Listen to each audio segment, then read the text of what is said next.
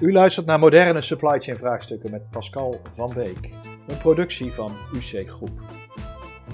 Of het nu gaat over digitalisering, robotisering, mechanisatie, duurzaamheid of customer and operational excellence.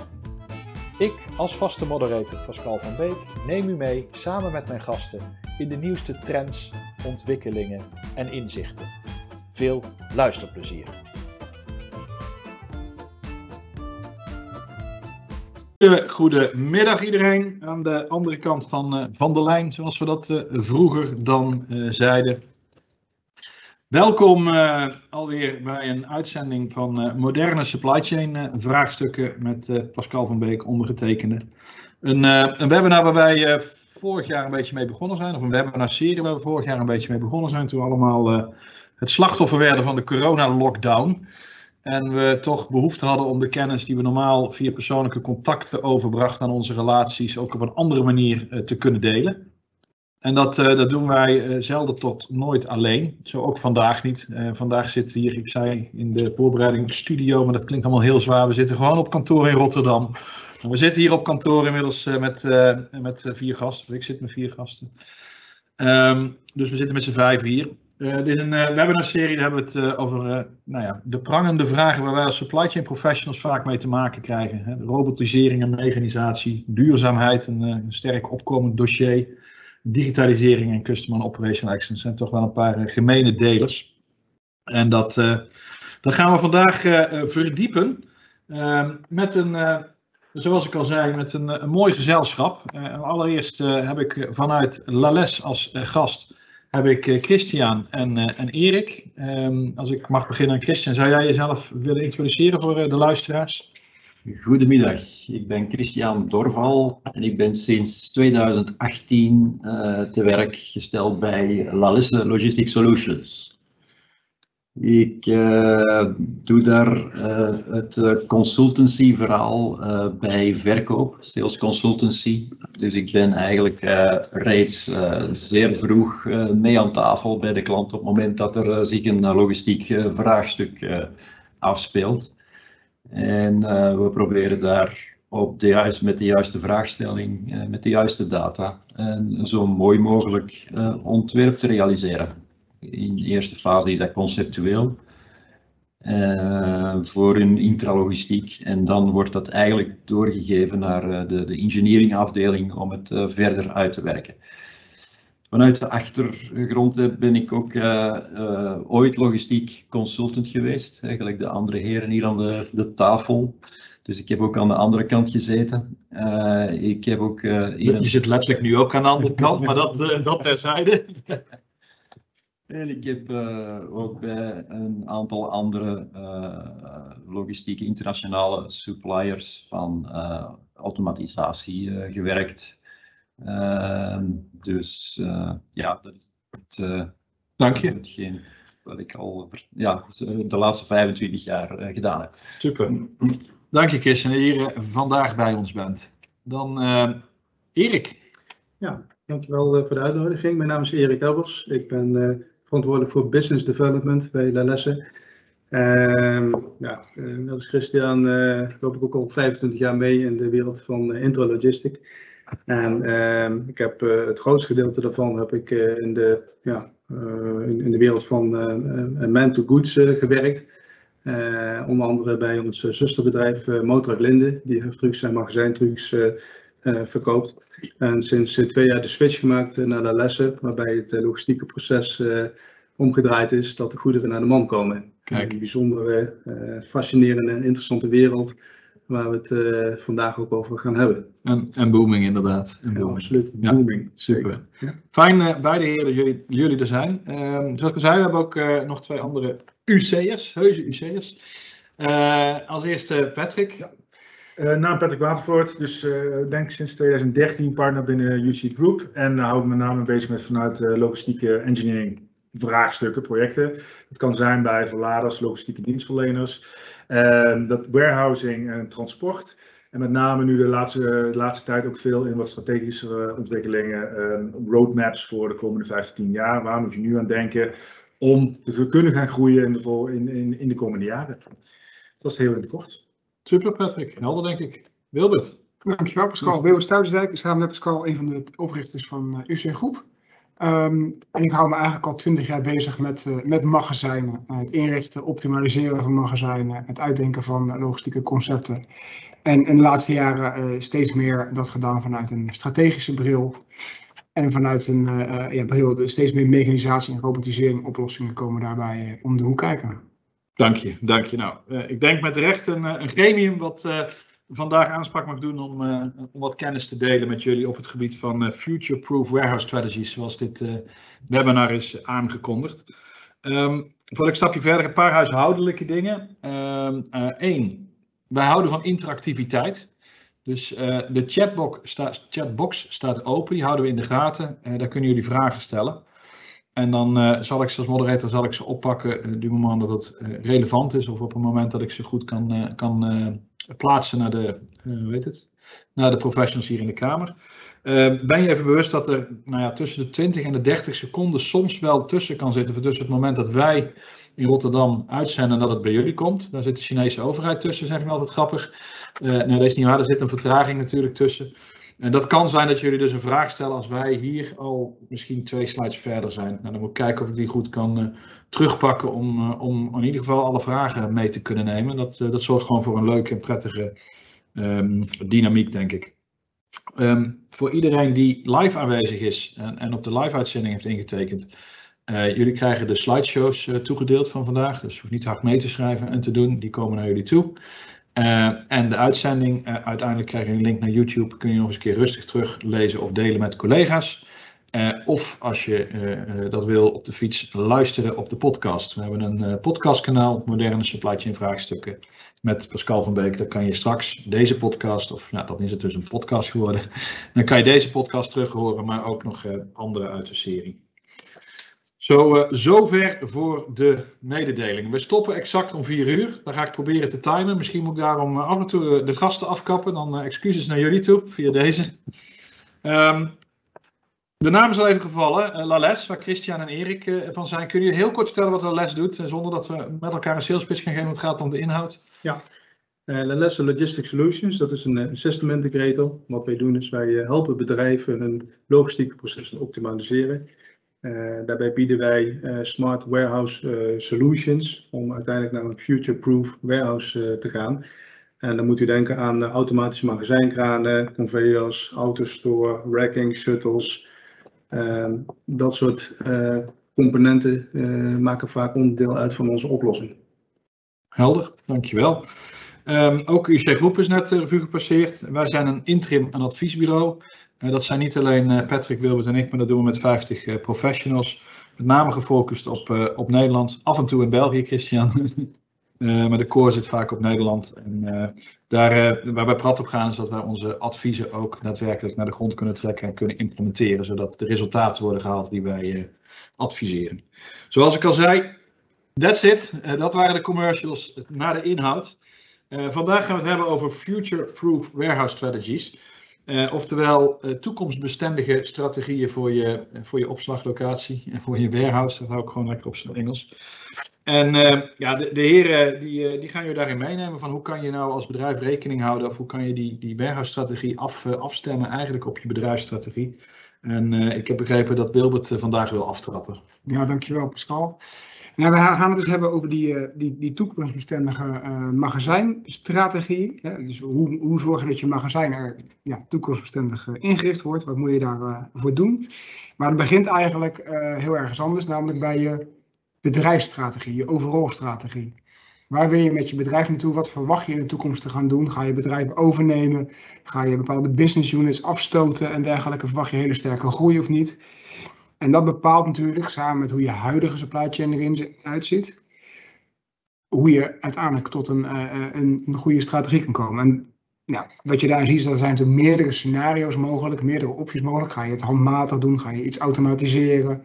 Uh, moet je op meerdere plekken magazijnen gaan inrichten mhm. of op één plek? Dat soort dingen moet je eigenlijk meenemen in die strategie.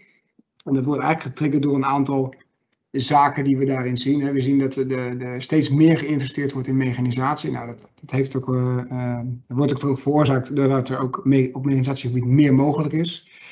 Uh, we zien ook dat er vastgoedinvesteringen telkens maar toe blijven nemen. Ja, dat is ook nog wel de vraag of dat blijft. Hè. Daar hadden we Christian en ik een voorgesprek even over, over grond en dergelijke, eh, die beschikbaar is. Maar we zien ook, eh, zeker ook nog steeds in de huidige markt, dat er toch nog veel bedrijven de stap maken naar outsourcing. Ehm, nou, dat zijn allemaal dingen die meegenomen moeten worden in jouw bedrijfsstrategie om uiteindelijk te bepalen van welke scenario's zijn voor jou nou interessant uh, om je magazijn goed in te richten. En uiteindelijk komt daar je future-proof warehouse strategie uit. Hè. Een, een van die scenario's zul je kiezen Mhm. uiteindelijk uh, om daarheen te gaan. Oké. Ik was net al eh, per ongeluk een beetje heen en weer aan het schieten. ik dacht dat dat moest, dus. Nee, dat is, ik zag het in de gaten. Eh, nou, ik noemde net al een aantal future developments. Dus die bepalen natuurlijk welk kant je op wil gaan met je magazijn. Maar ook je flexibiliteit.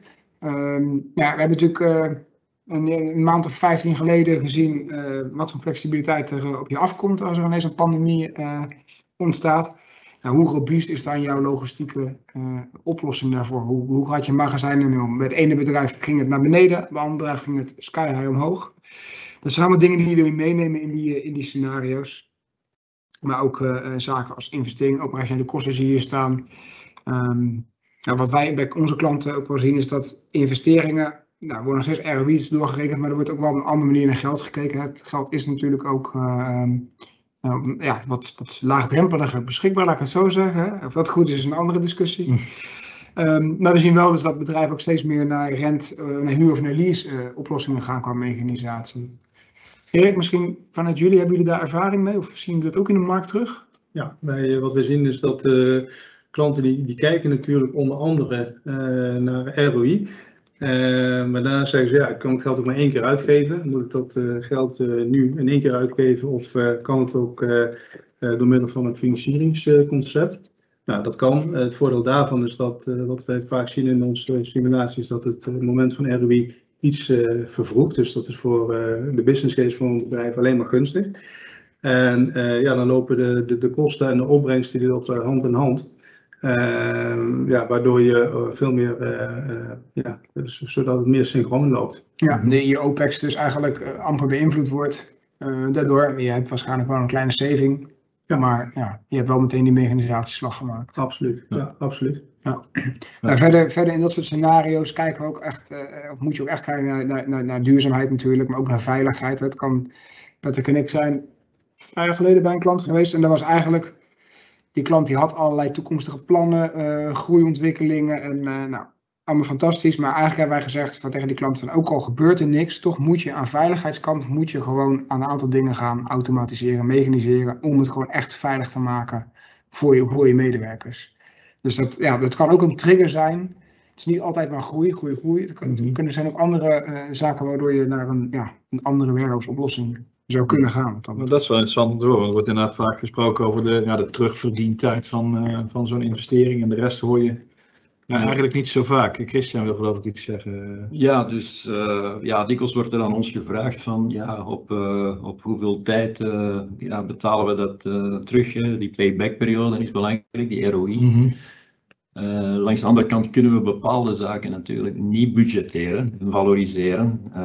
zoals we net al aan tafel genoemd, veiligheid, ergonomie. Hè, dus mechanisatie leidt eigenlijk tot een betere ergonomische uh, positie van uw uh, orderverzamelaars, uw magazijnmedewerkers en dergelijke meer. Dus minder klachten, hè, minder ziekteverzuim. Mm -hmm. Hoe ga je dat naar de toekomst toe valoriseren? Dat is heel moeilijk om dat te doen. Antidiefstal is ook zo, zoiets. dat ja, mechanisatie is dikwijls ook meer een kluisachtige omgeving waar niemand in kan en alleen het poortje gaat open voor uh, de zaken die eruit moeten komen. Ja, uh, dat ja. is ook een belangrijk uh, puntje. Schadegevallen, ook, ook eentje. Maar ook bepaalde zaken die, want dit zijn misschien nog kleine winsten die je erop maakt, maar heel grote winsten die we zelf ook niet in het zicht hebben. Dat zijn bijvoorbeeld, ik ga een voorbeeld geven van een case die we onlangs gedaan hebben, waarbij dat we dus eigenlijk productie en verzending hadden uh, bij een klant die uh, onlosmakelijk van elkaar, aan elkaar verbonden waren. Mm -hmm. ze hadden geen mogelijkheid om een buffer daartussen te creëren, omdat ze hadden de ruimte niet. Maar nu met die mechanisatie was het mogelijk om toch eh, heel hun productassortiment als tussenbuffer tussen productie en verzending te gaan eh, plaatsen. Zodanig dat productiestoringen niet eh, doorgaan eh, of voelbaar zijn in de verzendingsafdeling. Eh, hetzelfde, het snelle uitleveren. Bij, ja, als je je volledig productassortiment in stok hebt zitten, dan is het zo dat ik, had, ik had onlangs een klant die heeft collega's, con-collega's, die eh, binnen de maand moeten uitleveren, omdat ze niet anders kunnen, omwille van die productietijd. Maar hij wil eigenlijk alles in stok nemen, zodanig dat hij binnen de drie dagen kan uitleveren. Dat geeft hem een enorm concurrentievoordeel ten opzichte van die andere partijen. Ja, ja. En hoe valoriseer je dat? Ja. Dat zijn zaken die wel eh, ook belangrijk zijn, maar die je niet direct in een payback-berekening terugvindt. Nee, ik kan, ik kan me voorstellen, Christian. En, en je, helemaal terug had je het ook nog heel even voor ergonomie en, en medewerkers. En nou, dan vraag ik me ook af, wordt er ook, inmiddels misschien wel iemand anders op reageren, of, of Christian ook, is prima. Wordt er ook vaak gekeken naar eh, bijvoorbeeld beschikbaarheid van arbeid? Een, een, echt een issue op dit moment als ik eh, met klanten spreek. En in hoeverre is dat een beslissingscriteria voor het nemen of niet nemen van mechanisatie? Dat, dat is ook zo een puntje. Hè? Dus eh, beschikbaarheid, in principe hebben we dus theoretische modellen die aantonen dat pieksnelheden zoveel bedragen. Maar als je dan in werkelijkheid gaat zien, eh, liggen die eigenlijk maar eh, op 50, 60 procent van hetgeen dat wij dus eh, theoretisch of gechronometreerd hebben, hebben gezien. Nu bij ja, mechanisatie is dat minder een punt, hè, omdat rusttijden ja, komen daar niet voor. Eh, plaspauzes eh, zijn niet nodig. Dat, dat klinkt extreem, hè? Dat als je daar werkt, dat je geen plaspauzes mag hebben. Dus de robots gaan gewoon continu door. Ja, zo. Eh, op die manier, robots, magazijnkranen en dergelijke gaan gewoon eh 100% door. En Ja. eventueel op het moment dat de operator al weg is naar huis, hè, dus die nachtshiften die ja, dikwijls niet gedraaid worden, kan de kraan toch bepaalde voorbereidingswerken doen. Mhm. Maar ook de beschikbaarheid, hè. Je, je, je moest eerst een machine te vinden, hè. de mensen die, eh, die, die, die voor je kunnen werken. Vaak zie je dat logistieke bedrijven allemaal bij elkaar eh, op een industrietrein eh, kruipen. Ehm, nou, op het moment dat iemand bij de buurman iets meer kan verdienen, dan zijn ze vaak vertrokken. En daarmee gaat ook de kennis verloren eigenlijk. ja. Ehm, ja, en wat we nu zeker in deze tijd van die pandemie zien, is dat de markt die trekt weer aan. Dus eh, ja, de productie die moet in één keer, eh, terwijl we eigenlijk afgeschaald waren, in één keer eh, omhoog. Ja, en die, die mensen die, die, die worden helemaal gek, die kunnen het gewoon niet meer aan. En ik sprak laatst een directeur van een klant van ons en die zegt van ja, ik krijg gewoon elke week krijg ik gewoon een ontslagbrief op mijn bureau, omdat ze het gewoon, het, het wordt te veel. Ze kunnen het gewoon niet meer aan. Ja. Ik kan gewoon niemand wordt vinden. te hoog. Ja, de Ja. druk wordt gewoon te hoog. Dus ja, hoe moet ik verder? En ja, dan is de oplossing van ja, zorgen dat je dus een, een toekomstig bestendig eh, magazijn krijgt door te gaan mechaniseren, automatiseren. Waardoor je minder afhankelijk bent eh, van, eh, van medewerkers. En de medewerkers die er zijn, dat je die kunt vertroetelen. Dat je streeft naar duurzaam inzetbaarheid Mhm. van je personeel. En dat je dus met hun ook echt waarde in je logistieke keten kunt gaan toevoegen. Helder. Even, want maar ik merk dat Patrick wil dus- reageren. Ik krijg tegelijkertijd een, een vraag van eh, Gerbrand Oonk. Dankjewel, eh Gerbrand. Kunt u een paar voorbeelden geven met betrekking tot future development slash flexibility? Ehm, ja, ik, ik, ik kan proberen in te vullen, maar ik denk dat het leuk is. Nou, ik wil er zo straks misschien ook nog in het vervolg van de presentatie komen, daar ook nog eh, verder op terug. Het is met name hoe je ernaar kijkt. Want Waar het deels dus nog heel even vanuit de, de flexibility of de, de, de, de future development is dat je ook overkoepelend, logistiek wordt nog vaak gezien als een kostenpost.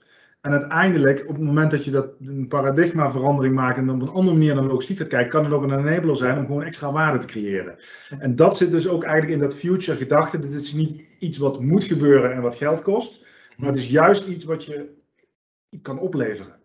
En op het moment dat je die naar kijkt, zit je ook veel meer eigenlijk toekomstgericht te kijken. In plaats van wat kan ik er allemaal mee? Ik doe een investering of ik, ik zet een concept neer Mhm. waarmee ik, ik weet nog niet eens wat ik er nu mee kan doen. Maar het geeft me wel, gaat me wel mogelijkheden creëren voor de toekomst om. En we komen straks een aantal voorbeelden, eh, ook wel filmpjes waar we, zien wat bedrijven die eh, iets hebben neergezet en vervolgens is de passen strategie aan. En, en dan, dan wordt logistiek gewoon een enabler om nog verder te groeien. Ja.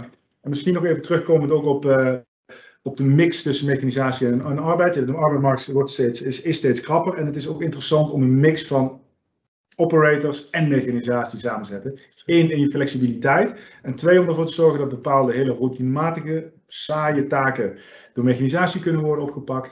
In principe inderdaad, zoals je zegt, vertroetel ze. Ja. Hou ze bij je, maar maakt het, eh, dat werk ook wel interessant. Oké, Dus dat is heel in het kort. Ja, misschien nog even dan nog even verder gaan over, over de vraag van future development. Inderdaad, Ehm, we kijken eigenlijk altijd van wat verwacht je als bedrijf, wat er in de toekomst gaat gebeuren, waar je rekening mee moet houden. Dus als productiebedrijf weet je misschien dat je elke keer 10% groeit. Nou, daar moet je ook wel iets voor doen. Mhm. Daar kan je rekening mee houden. Maar ja, 15 maanden geleden met, met de pandemie, eh, ik denk niet dat Coolblue en Bol.com rekening hadden gehouden dat hun volumes zo sterk gingen stijgen. Hè. Dat, dat past niet in de grafiekjes, zeg maar. Ja, je, je wil wel in je oplossing die flexibiliteit hebben, dat je, dat je daar zoveel mogelijk rekening mee kan houden. Je kan, niet, je kan echt niet alles afvangen, maar hoe beter je je strategie hebt, Mhm. je logistieke strategie in dit geval, hoe beter je daarop kan anticiperen. Ja, ja. En het kan ook zijn dat je, we hebben ook eh, voorbeelden van klanten die juist eh, afnemen in volume. Ja. En in declining business zitten. Ja, dat zijn allemaal zaken die, Ja. die je dan goed meenemen, zeg maar. Ja, dus, is ook- dit, dit is een, inderdaad wel een antwoord op de vraag van, eh van Gerbrand. Ja, Van future development zijn ook je, je bedrijfsmatige ontwikkelingen die je verwacht. Niet Ja. alleen de, de macro-economische of globale ontwikkelingen. Precies. Helder. Ja, als, jij, als jij zegt van ik ga nog wel wat bedrijven overnemen of ik Mhm. wil ja, bepaalde business units kopen van andere bedrijven, ja, dan moet je daar wel rekening mee houden. Hoe, Ja. hoe ga je dat doen? Ja. Nou, dat moet niks, maar het is wel handig. Het is best handig. Jazeker, jazeker. Helder. Dan eh, geloof ik dat, dat eh, Christian... eh, eh, Ja, dus eh, we hebben het eigenlijk al, we hebben al een aantal puntjes aangehaald. Dus eh, het eh, magazijn of het logistiek concept eh, dat eh, voorgelegd wordt, ja, moet natuurlijk future-proof zijn. Hè? Dus eh, bestand tegen bepaalde zaken, flexibiliteit. Er zijn een aantal zaken die, die eh, belangrijk zijn, eh, die bijkomend eh, getoetst moeten worden. Het personeel moet daar eh, gelukkig mee zijn. Ehm, er zijn zo'n aantal zaken eh, die we dus in vier game changers hebben samengevat voor eens, eh, iets meer transparantie te geven. En ook eens te kijken van, eh, ja, wa- wat kan mijn keuze daarin bepalen. Hè? Dus die vier game changers, die staan op de volgende slide. De eerste, daar hebben we het ook al eens over gehad. Dus laat mensen het verschil maken. Dat is een heel belangrijke uiteraard. Dus laat de mensen zich uh, gelukkig voelen in, in de proces uh, die, die, er zal zijn. dus dat ze niet die repetitieve en terugkerende en afstompende zaken moeten doen, zodanig dat ze gemotiveerd blijven. We hebben al genoeg jobhopping in die branche. Ja. en daar kan een stukje mechanisatie in principe bij helpen. tweede puntje. Misschien, Christian, misschien wat, wat, wij wel merken is dat uh, veel bedrijven ook op het moment dat ze een mechanisatie neerzetten, dat ook aangrijpen eigenlijk om, ja, om nog, een, nog een stapje meer te doen. Hè? Dat, je, dat, je ook gaat, dat ze ook uh, zeggen van nou, we gaan heel die site wat upgraden. Uh, we, doen alle, we doen ons een nieuw likje verf of iets meer daglicht creëren of ook, ook even de kantine meenemen. Dus dat ze het eigenlijk aangrijpen voor een grotere verandering, waardoor eigenlijk de, de, de, de medewerkerstevredenheid Mm -hmm. ook daarin een stukje, een stukje groeit. Zeker een onderdeel ja. ervan, ja. Ja. ja. dat klopt. Ja, en iedereen wil ook graag uh, ja, bij een bedrijf werken wat, wat, wat, wat verzorgd is, wat, uh, ja, waar, waar je het gevoel hebt van ja, ik doe ertoe. Ja. Hè? Ja. En, en het is leuk om ergens uh, naartoe te gaan, hè, waar je gewoon plezierig je werk kunt, kunt doen. Een prettige werkomgeving, ja. ja zeker ja. Kijk, en als je gewend bent om elke dag te moeten order pikken en door, door het magazijn te rennen en net bij dat laatste pakketje wat helemaal achter op de pallet onder in de stelling ligt en ja, je komt s'avonds thuis, je hebt rugpijn en uh, dan zit je naar voetbal te kijken en ja, gewoon een hele zware dag gehad. Ten opzichte van wanneer je werkt aan een, aan een, aan een, mooi, aan een mooie installatie waarbij je datzelfde pakketje op een presenteerblaadje bijvoorbeeld wordt aangedraagd. Ja, dat, dat, dan zit je toch iets anders in de wedstrijd. Ja, ja, zeker. Dan ga je weer naar huis toe. Ja, ja ik, moet, ik moet even helemaal off-topic denken aan... Uh, ik ben twee weken geleden verhuisd en ik kan een verhuisbedrijf. En een van die jongens, die lopen dus de hele dag met mijn spullen te zelen. Mm -hmm. Die zegt, ja, ik was vanmorgen om vier uur in de sportschool. Ik moet eerst even gaan sporten. En daarna, daarna ga ik om zeven, hij was kwart over zeven bij mij om te gaan verhuizen. En dan denk ik van, ja, nou ja, blijkbaar kunnen mensen er nog meer aan, sommige, sommige beroepen. Maar, uh, Je bedoelt sjouwen? Sjouwen, ja, en dan ging ik ochtends ook even naar de sportschool inderdaad, ja, uh, ja. qua fysieke belasting. Maar, uh... heerlijk, heerlijk. Goed, ja, ja het volgende puntje. Dat is eh, turn square meters into cubic meters. Zet dus eh, beschikbare oppervlakte om in nuttige opslagvolume. Mhm. We weten dat eh, ja, er in sommige magazijnen waar je rondloopt, dat er eerder aan airhousing dan aan warehousing eh, wordt gedaan. Dat is ook een slogan die Autostore dikwijls gebruikt. Ehm, en nu ook met de schaarste op de markt hè, van, eh, van gronden, hè, de, de, de, de, de grondprijzen die omhoog gaan, dat is niet alleen in België zo, dat zal in Nederland ook zo zijn. Ja, zeker. Eh, gaat men creatief moeten omspringen met het volume waar men beschikbaarheid over heeft. En eh, ja, bij gemechaniseerde oplossingen is het altijd doeltreffender om hoog te gaan. Hè. Dus is, is het in een eh, gewoon eh, hal eh, te doen, 8 à 10 meter hoog, is dat voordeel nog niet eruit te puren. Maar als we hoger kunnen gaan, en in de meeste gevallen, gemeentes laten het dikwijls toe, Mhm. om dus hoger te gaan bouwen, dan ja, moet je het maar proberen. Hè? Dus om dus die, die oppervlakte, die footprint, zo miniem te houden. Ja. Mechanisatie laat dan ook nog toe om ja, met strakkere eh, toleranties te werken. Dus eh, smallere gangen, eh, meer dens te gaan opslaan. En dat geeft dan eigenlijk ook nog een, een extra voordeel.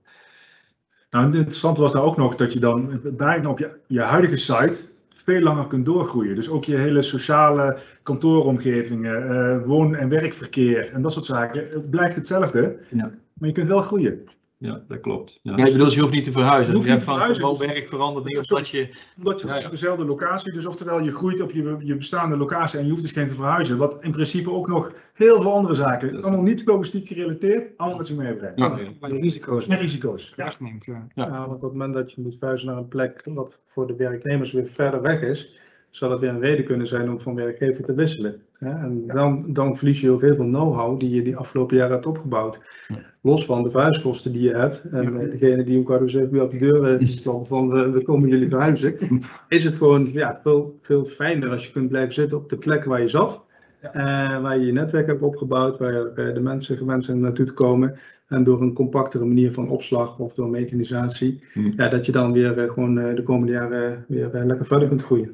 En als je, het, als je goed begeleidt, hè, zit ook volgens mij je risico's zijn een stuk kleiner. Want je zit gewoon in een bestaande omgeving waar bestaande processen in zijn. Het zal wel wat complexer zijn, omdat je tijdens, de- waarschijnlijk tijdens de operatie, moet er aanpassingen. Mhm. Maar ik weet niet of jij daar ervaring in hebt. Wat, Ja, het is wel een dingetje om eh, van locatie te, te moeten gaan veranderen of dergelijke. Ja. En Dus eh, het is altijd mooier natuurlijk dat je op de, die lokale eh, ja, het terrein kunt kunt blijven. Hè. Als er mogelijkheden zijn, nog voor greenfields of dergelijke, om, om zaken te doen, ja, benut het. We hebben er wel een aantal voorbeelden van, dus, waarbij dat, dat dan gunstiger uitgedraaid is. Maar ik denk wel dat het ook bedoeld is van stel dat je dan kiest om te blijven zitten. Dan eh, ga je mechaniseren, dan krijg je een soort van open harttransplantatie. Je denkt dat je moet wel doordraaien, Dat maar heb je ondertussen wel. willen we ook nog eh, gaan mechaniseren. En dat moet ook opgebouwd te worden. Je hebt een Dus- stukje transitietijd nodig. Ja. ja, dat klopt. ja. Ja, het zal ook niet voor elke situatie de beste oplossing zijn, maar ik ja, denk wel de moeite waard om, om, om zeker te dat zijn. kunt over in gesprek gaan natuurlijk, hè, met, de, met de klant. eh, ja, dus, Ja. ja, wat daar de, de, de pro's en de cons zijn op, op Ja. dat moment. Eh, dat is voor elk project natuurlijk eh, anders. En bepaalde dingen liggen gevoeliger bij de ene klant dan bij de andere klant. Ja. Dus eh, om te gaan verhuizen, om andere mensen te gaan recruteren en dergelijke. Het, het is allemaal, eh, ja, het is allemaal een dingetje wel Ja. om eh, van locatie te gaan veranderen. En als ik dan dat terug, teruglink aan hoe Wilbert begonnen met die scenario's, dan zou bijvoorbeeld eh één of twee scenario's kunnen zijn. Eentje op-site, on-site eh, misschien verhogen en, en mechaniseren. En de andere greenfield eh, en eh, compleet nieuwe mechanisatie. Dat is eigenlijk ook, ook Ja, een van de scenario opties dan. Ja, ja, zeker. Dat, ja, absoluut. En daarmee kan je dus ook een goed vergelijking maken van nou, wel- welke, welke. Je hebt natuurlijk die ROI van die beide, hè? dat is, dat is de platte, de platte Excel-berekening, om het zo te zeggen. Maar je hebt dan ook de, de, de, de meer softe kant van nou, welke risico's zijn er als je gaat verhuizen, welke risico hè, voor, je, voor je continuïteit van je business, welke Ja. risico's zijn er als je op de locatie blijft. Want dan krijg je inderdaad, je moet een ruimte vrijmaken, dan moet je iets gaan neerzetten, dan moet je spullen inhuizen. En hoe ga je dat doen? Mhm. Ehm, en zo zijn er natuurlijk nog veel meer criteria waarop je die scenario's gaat beoordelen. Ja, of, of dat wenselijk is of niet. Kijk, het kan best zijn dat je zegt van ik ga naar die, naar, toch naar die nieuwe locatie en dan heb ik een greenfield, dan kan ik iets moois neerzetten. En dat geeft zoveel meer uitstraling als ik had, omdat het pand waar je eigenlijk zat niet meer, ja, niet meer van, van eh, deze tijd is. Ja. ja dan Ja. Dat kan je niet echt in geld uitdrukken, maar Nee, gevoel en ook de uitstraling die je weer hebt als bedrijf. Je kan ook niet elke drie jaar maar even naar een nieuw pand gaan. Nee. Dat kan voor de langere termijn ergens Ja. inzetten. Maar je zit ook nog een andere boodschap in die zin vaak een lessons learned in. Vanuit ehm, dat je al aan het begin, als je iets nieuws neerzet, denk aan die kubieke meters die je misschien nog niet bouwt. Maar aan het begin wel even moet meenemen, bijvoorbeeld vloerbelasting. Weet je, het zijn bepaalde zaken even. Van op het moment dat ik dan wel een vloer ga maken, hou wel even dat ik later misschien Ja. vanuit vierkante meters cubes ga maken. Dat betekent dat er waarschijnlijk langere palen, zwaardere pallets, hogere rekking. Dus op bepaalde kosten neem dat even mee. Vloerbelastingen, Ja, van vloeren, Ja. eh, toegangswegen, parkeerplaatsen. Dus een aantal secundaire zaken die op het moment dat het één keer het pand staat, niet meer aangepast kunnen worden. En in het begin wel. nog. Exact. Ja, nou, ik heb, toevallig had ik van de week een collega die eh, is bezig eh, voor een klant en daar was de vloerbelasting inderdaad een issue. Eh, omdat dat ging om wat zwaardere producten. Ja, dat, dat gaat niet op die vloer. Dus die vloer is gewoon te laag ge- ge- uitgevoerd vaak, eh, waardoor je dan ja, beperkt wordt in je opslaghoogte of in je, nou, dan, dan ga je echt airhousing doen, zoals je zoals Christian zei. Maar ik denk ook inderdaad belangrijk is met zo'n greenfield, dat jij zegt, die vloervlakheid, je, misschien ga je, blijf je conventioneel werken, maar als je ooit naar AGV's wil of gaat, nou, weet je, ja, dat is eigenlijk niet de vraag of, maar meer de vraag wanneer, denk ik, voor heel veel processen. Ja, dan moet je dat soort investeringen wel meenemen eigenlijk. Als het gaat, eh, direct bij, eh, bij een nieuw pand. Oké, helder. Ik, ik krijg nog een vraag binnen. Ehm, ik, ik, hoor, eh, ik hoor niemand praten over kwaliteit. Is dat ook iets wat je meeneemt in je salario? Kwaliteitsverbetering of zo, denk ik dan dat je bedoelt. Ik, ik gooi hem even in de groep hoor. Eh, Wie, wie pakt hem op? Die is zeker eh, belangrijk. En eh, ja, dus eh, schadeclaims en dergelijke. eh, ja, eh, piekfouten die als retour eh, terug, terugkomen. Het zijn allemaal zaken die eh, een stukje ook, eh de laatste dan, eh, met tracking tracing te maken hebben. Eh, zien dat ja, juiste dingen geregistreerd zijn, dat er bepaalde kwaliteitscontroles in uw proces zitten. En ik denk dat het het altijd maar gemakkelijker maakt, omdat eigenlijk op een, visueel mooie manier, als je dat kunt voorstellen. bijvoorbeeld aan onze autostore staat een mooie graphical interface waar je exact kunt zien wat je moet pikken, waar en waar droppen ehm, en de hoeveelheid die erbij hoort. Dus eh, je kunt bijna eigenlijk niks fout doen. Eh, dus het is eh, visueel heel mooi voorgesteld. Ook elke leek, hè, dus mensen die net zulke werk komen doen, die kunnen daar direct binnen het half uur zich eigen mee maken. Iemand die een touchpanel kan bedienen, wat bij manier van spreken eh, op zijn gsm, kan dus ook eh, eh, dat doen, Ja. orde verzamelpikken. Ja. En ja, dat is natuurlijk in een conventioneel gebeuren iets moeilijker, omdat je daar een beetje tussen... Zeker, ik sprak pas was bij, bij een klant en die, die werken nog op papier.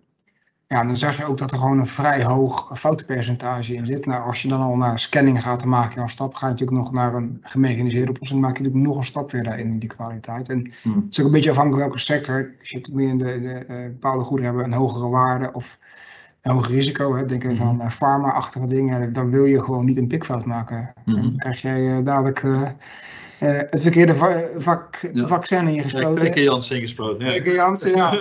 Daar wordt Of je, of je krijgt paracetamol je denkt dat je... Daar wordt dus wel extreem doorgetrokken en daar Ja. moeten aan bepaalde rules, eh, GMP-rules en dergelijke. Absoluut, ja. Maar eh, in een in gewone omgeving is dat niet zo. Maar als je toch die garantie kunt eh, erbij leveren door Ja. je systemen duidelijk te maken, laten maken, Mhm. dan Ja. komt het in orde. Helder, wel. Ik ga omwille van de tijd eh, een beetje, beetje versnellen. Jullie hebben ook over, of jullie willen ook over increase throughput without expanding, eh, Christian. Ja, dus eh, er zijn eigenlijk twee puntjes eh, ja, waar we het dan wat meer over willen hebben. Dus, dus verhoog uw productiviteit zonder te expanderen. En dan is er nog een vierde puntje dat Erik aan het licht brengt. Dat is there is no end of the line. Hè? Dus ga voor flexibiliteit met het oog op de toekomst. Maar eerst even verhoog je productiviteit zonder verder uitbreiden. Dus eh, het is zo dat, eh, we weten allemaal, In een normale magazijnoperatie heb je veel fluctuaties uh, te verwerken tijdens het jaar. Dat kunnen seizoenspieken zijn, dat kunnen koopjesdagen zijn, Black Friday, etc. Ik, ik, moet ze niet noemen. Er zijn ook tendensen die verschuiven. Hè. Dus bijvoorbeeld winkelbeleveringen worden nu ineens meer e-commerce activiteiten.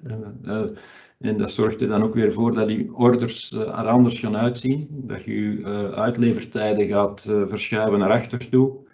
Hogere pieken en dalen ook in uw magazijn te verwerken. Dus is uw magazijn erop voorzien om zulke schommelingen te gaan verwerken? Dat is dan de vraag. En dan zien we vanuit volautomatische systemen dat dat eigenlijk ja, op een gunstige manier verloopt.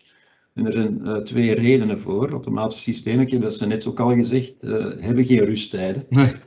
Die kunnen s'nachts ook doorgaan of tijdens uh, de lunchpauze. Ehm, dat is één punt. En het tweede punt is, ja, die, die volautomatische systemen. Denk aan de autostore met een, een goods-to-man delivery. het zijn niet de mannetjes die met de kern door de gangen moeten lopen, maar het zijn de robots die met de producten naar uh, het werkstation komen. Mm -hmm. Dus je gaat daar je saturatiepunt iets kunnen verhogen ten opzichte van conventionele systemen, als je ja. dus productiviteitsverhoging doet. Ja, je, je hebt geen last van dat mensen elkaar in de weg gaan lopen als je te veel mensen inzet. Die, exact. ja. Het, is, het wordt chaotisch in een conventioneel systeem. Hier blijft het tot een bepaald punt ordentelijk. Hè. Dus uh, alles heeft natuurlijk zijn limieten, mm -hmm. moet dat ook natuurlijk zeggen. Maar het is, er wordt beter mee omgegaan. Nou, de cadans in zo'n gemechaniseerde oplossing is natuurlijk ook stabieler als in een conventionele operatie. Ja, exact. We hebben daar een mooi voorbeeldje van, van ja, productiviteitsverhoging zonder uitbreiding. Dus Kastelein is daar eentje van. Uh, die hebben drie jaar geleden hebben die bij ons een bestelling geplaatst. Dus voor een volautomatisch palletmagazijn met gangwisselende kranen. Uh, een 3PL-organisatie uh, die al van aanvang drie keer de productiviteit draaien ten opzichte van hun voorgaande proces. met dezelfde oper operational team. En dat had voornamelijk te maken met die automatische invoer van hun buur, de belangrijkste klant van hun, GB Foods, die dus uh, ervoor zorgt dat je 24 uur op een stuk eigenlijk kunt uh, gaan inbound doen in het mhm. Mm -hmm. Maar ze hebben ook uh, te maken gehad na de opstart, vrij snel daarna, dus met die pandemie van COVID. En dan werd nu productiviteit nog, ver, er werd gevraagd om die productiviteit nog meer te gaan verhogen. Ja. En hebben ze kunnen doen door uh, die kranen s'nachts uh, te laten doordraaien. Uh, terwijl dat, ze een twee-ploegen systeem konden blijven behouden. Want dikwijls wil de klant niet van één shift naar twee shift gaan of van twee shift naar drie shift. Ze willen eigenlijk toch die stabiliteit in een operationeel gedeelte. Mm -hmm. Maar het is dan eigenlijk de mechanisatie die ervoor helpt om dat in stand te kunnen houden ook. En dat is hier eigenlijk uh, aan het licht gekomen. Ze kunnen nog verder productiviteit verhogen door uh, in die gangwisselende systemen dus ook kranen te gaan bijplaatsen. Maar dat zou naar de toekomst toe uh, kunnen gebeuren. Dat is het, het, schaalbare waar je net aan, aan refereerde. Dus het flexibele is inderdaad wat, je, wat ze vorig jaar dan hebben gezien. Ja. En het schaalbare is dat er relatief makkelijk toch kranen bij geplaatst kunnen worden.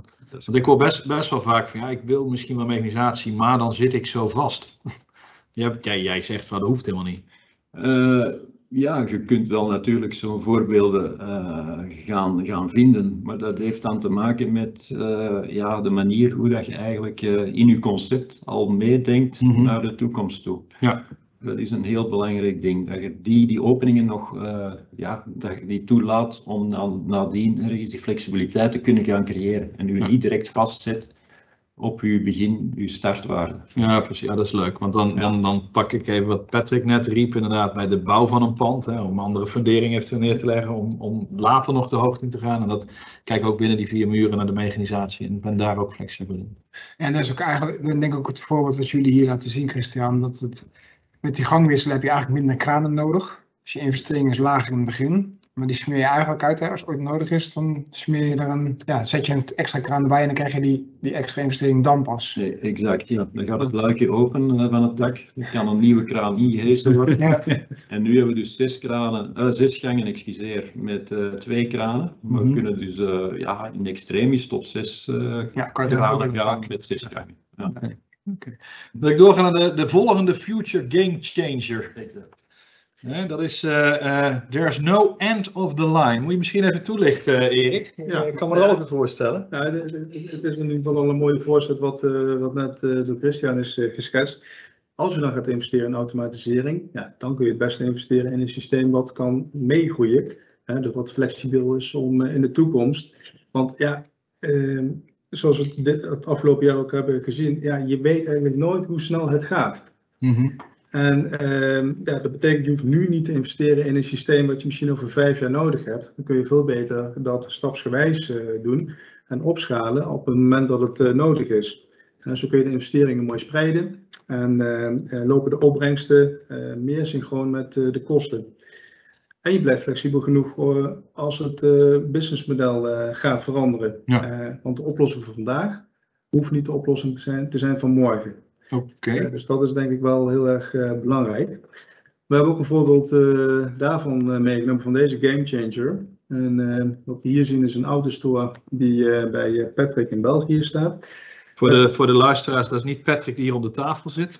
Patrick, het eh, sportschoenenmerk. Sportschoenenmerk, sportschoenen, sportkleding, veiligheidsschoenen. Nou, Patrick die had eh, in 2011 eh, de uitdaging om 70% van het totale volume eh, vlak voor het begin van het nieuwe seizoen aan de, aan de clubs uit te leveren. Dus dat is wat je noemt echt een piek. Ja, absoluut. En eh, daarnaast eh, nog een stuk val, want ja, die clubs zullen toch graag gepersonaliseerd hun spulletjes ontvangen. Dus de oplossing was, nou, we moeten investeren in een goods-to-man systeem. En in dit geval is dat een outstore installatie geworden. Eerst puur en alleen voor de opslag van hun eigen product. Eh, dat systeem is in 2012 geplaatst. Eh, erg eh, compact, een hele assortiment die past er prima in. En nou, dat maakte het orderpikken voor Patrick snel, foutloos, veilig, anti-diefstal, duurzaam, stofvrij, etc.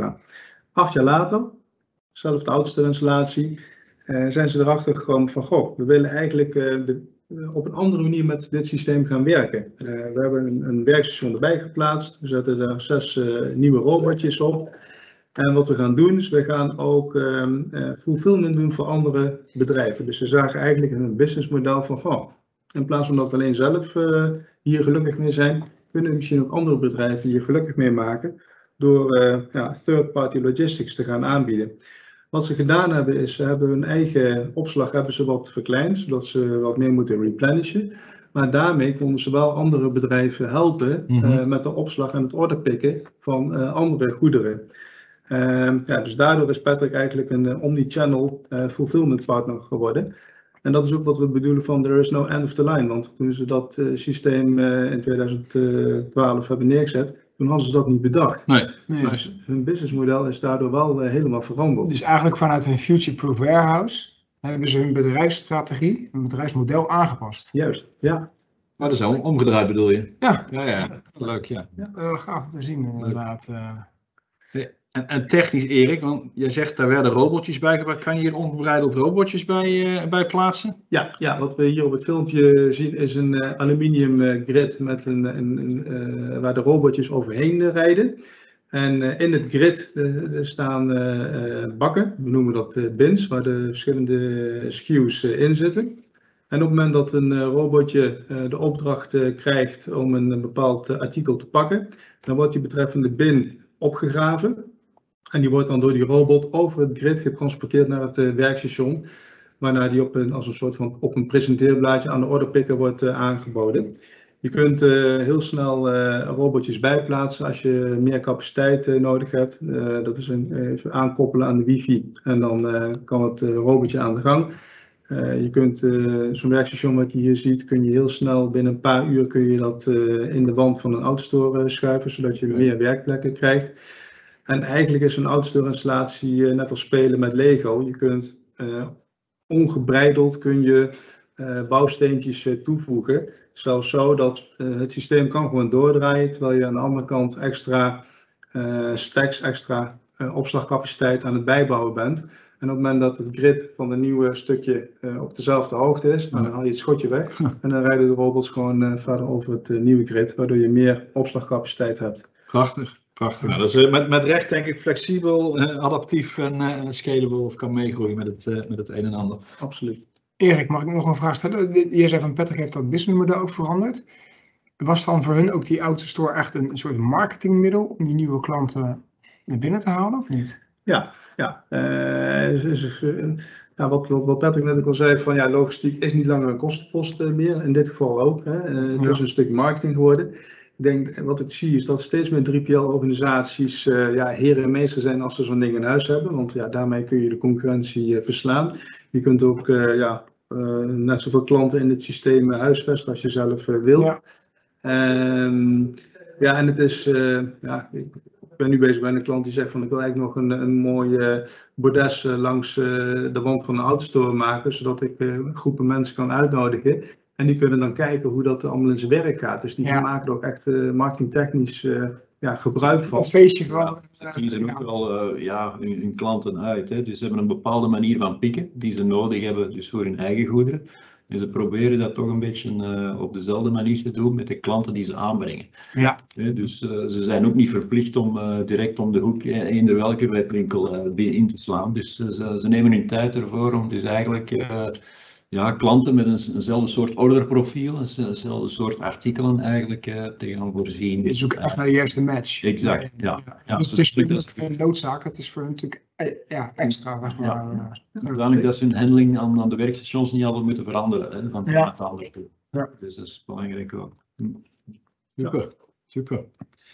Dus uh, prachtig. Ik denk, denk een heel mooi levend, eh, levend voorbeeld. En toen, toen, toen sprak je verder met ons in de voorbereiding en zo. Dan ging, dan ging, je, ging je nog even een stapje verder over future-proof eh, warehouses. Ja, nou ja, als, als als het gaat over there is no end of the line. Kijk, vaak zie je dan dat bedrijven vanuit een bedrijfsstrategie, eh, dat ze dat vertalen naar een warehouse-strategie, van ja, de, de tent gaat op de kop.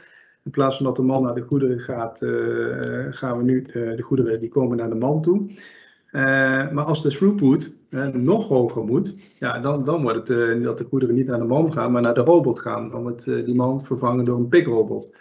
En dat zie je bij bedrijven waar eh, ja, theoretisch kunnen dit soort installaties kunnen 700 eh pics eh, per uur aan. Maar ja, als je van vlees en bloed bent en je moet dat gewoon acht uur lang doen, ja, dan word je gillend gek. Ja. Eh, dan, dan, dan, dan is het echt zaak om daar een, een pikrobot eh, aan de poort eh, te zetten.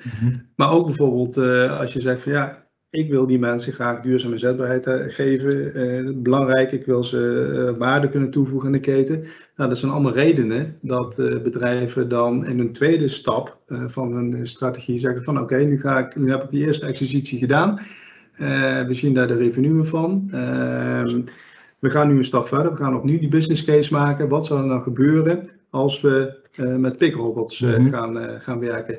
En dan, dan kun je weer daar een business case eh, van, eh, van Een maken. stukje verleng, een verlengstukje eigenlijk van je automatisatie.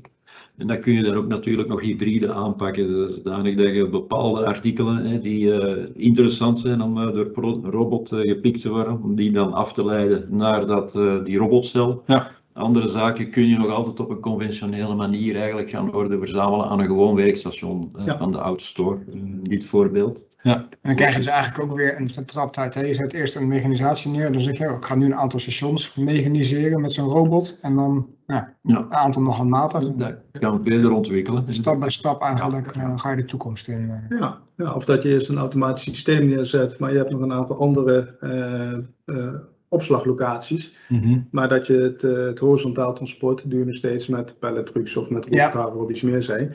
Maar ja, dat je later dan eh, op het idee komt van ja, misschien moeten we dat eh, ook gaan mechaniseren met een conveyor systeem of eh, met, met. Ja, Ja. en, en, en dat kan dan weer een, een, tweede eh, stap Ja. zijn in dat eh, proces. Maar dan heb je al wel een beetje de ervaring opgedaan eh, in, in, in dit eh, genre. leuk. Ja, vaak is dat voor bedrijven een grote stap. Ja, absoluut. Ja. En ja, dan, dan kun je wel in één keer een Big Bang eh, willen gaan eh, doen. Maar ja, de mensen moeten het ook allemaal kunnen volgen en kunnen begrijpen. Ja. Eh, dus dan kun je misschien beter zeggen, oké, we staan nu hier, we gaan daar naartoe. Maar we gaan het met deze milestones gaan we dat, gaan we dat doen. Plus dat die technologie ook zich ja, steeds verder evolueert. En ik Ja. zie voor de mensen die kijken en niet op de podcast zitten. We zien een, een robot die eenheden pakt uit een doos. Die eenheden zien er allemaal anders uit. Je hebt een tubetje, je hebt een dopje, et cetera. Dat wordt blijkbaar gewoon gepakt. Men kan, of de, de robot kan dat, die diversiteit aan. Ja, dat gaat, dat gaat steeds wel Ja, lekker. de robot heeft eh, ja, een bepaalde visualisatie om dingen te detecteren, Mhm. om ook eh, vormen te gaan detecteren en op die manier eh, voor een deel te onderscheiden en Mhm. eigenlijk ook eh, die, die piekbeweging te doen naar de juiste hoek in, in de bak waar eigenlijk iets, iets ligt. Prachtig. Maar vervolgens zie je dan, en dat is de technologie is er dan nog, maar vervolgens is dan ook weer de vraag, article master data, die nu heel belangrijk is, is in heel veel gevallen gewoon nog niet goed geregeld. En Ja. ook daar zie je dus weer in dat groeiproces, ook zorgt dan weer dat je die basisopstand, want je kunt zo'n computer of zo'n robot wel kopen, maar als, als die, de, de, de basis niet goed is, dus dat, dat is het proces wat je gewoon in moet groeien, om er steeds beter in te worden en vervolgens stap voor stap eigenlijk. En daar, daar zit die future proof in, dat je ook duidelijk weet van joh, welke producten of welke projecten moet ik nu aanpakken om een volgende stap te kunnen zetten. Dus dat is, Ja, Ja. ja. data is eh, zeer belangrijk hè, voor het, het vallen of opstaan van, Ja. van een project. eh, dat is zo. Hè. Dat is ook het eerste dat ik vraag en dat ook niet altijd eh, ter beschikking ligt eh, bij zulke klant. Maar ja, het is daarom dat je toch een bepaalde flexibiliteit moet inbouwen voor dingen die je niet weet, hè, Ja. die de klant zelfs ook nog niet weet. Dus eh, vandaar ja, laten we open, eh, zaken open die dan op een andere manier misschien iets meer hybride eh, dan automatisch en dan conventioneel, dat dat samengaat eh, en dan toch tot iets leidt dat eh, dan gepresenteerd kan worden. Ja. Mooi, mooi. Het, gaat best snel. we zijn al bijna, bijna, wat is het, 55 minuten bezig, denk ik. Dus dat, eh, we moeten een beetje letten op de tijd. Maakt niet uit. We, komen bij de afrondende fase. Hè. We begonnen met eh, de overal bedrijfsstrategie en de vertaling van die strategie naar, eh, naar scenario's.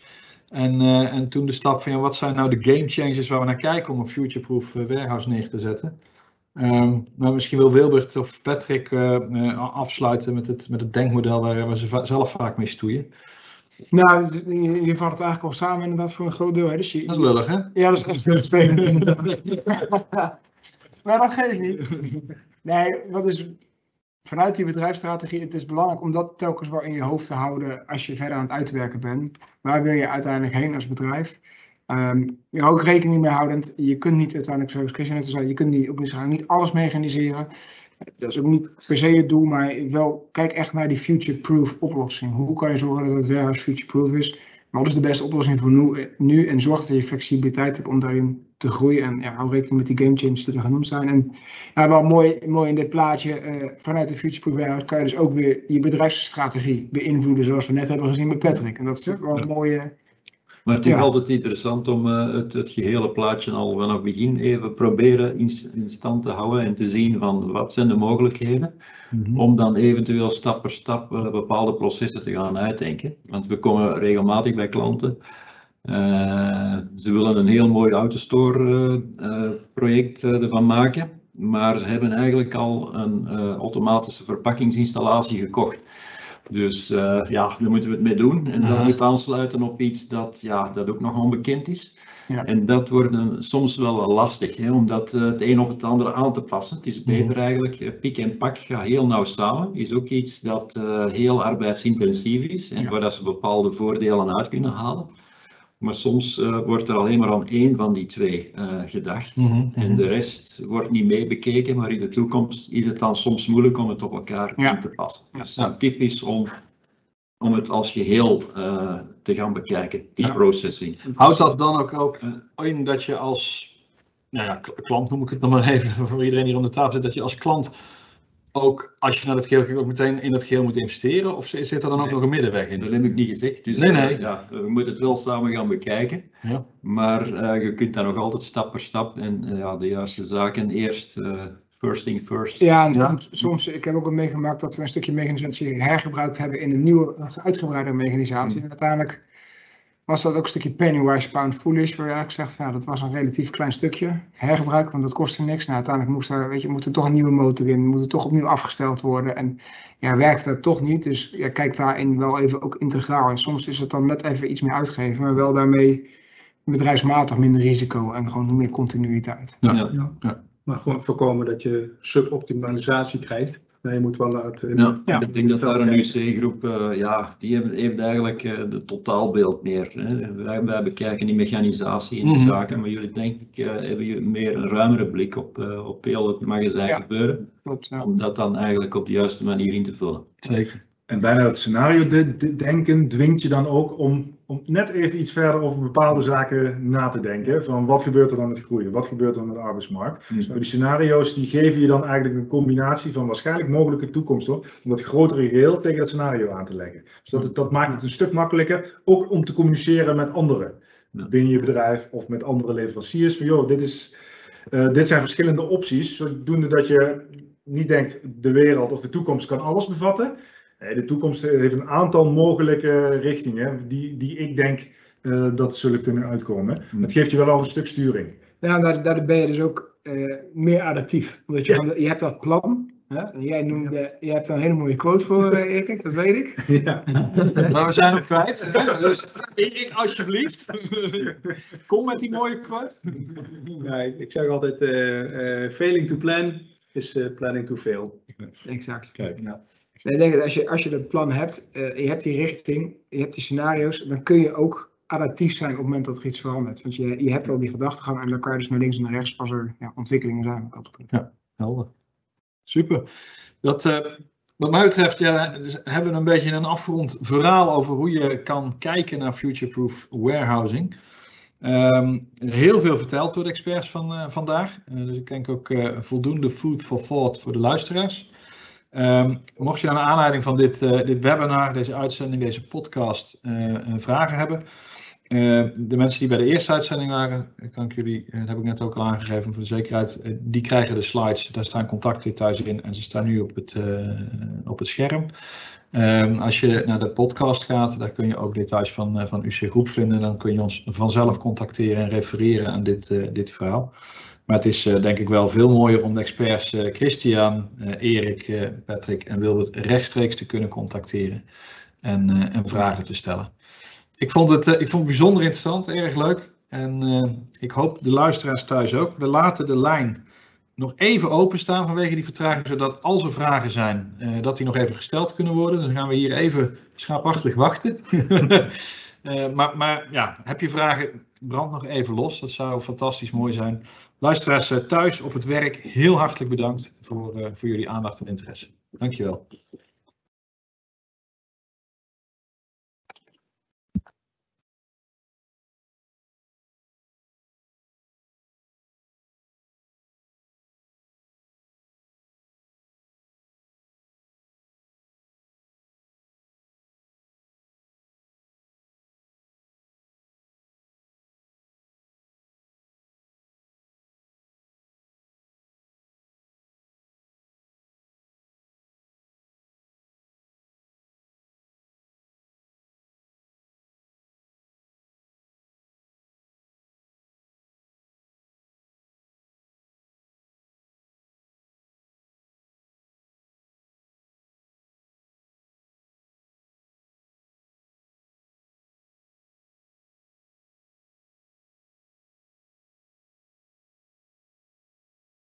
Goed, dan gaan we via deze gaan wij afsluiten. Nogmaals, hartelijk dank voor jullie tijd en aandacht. Dank u wel.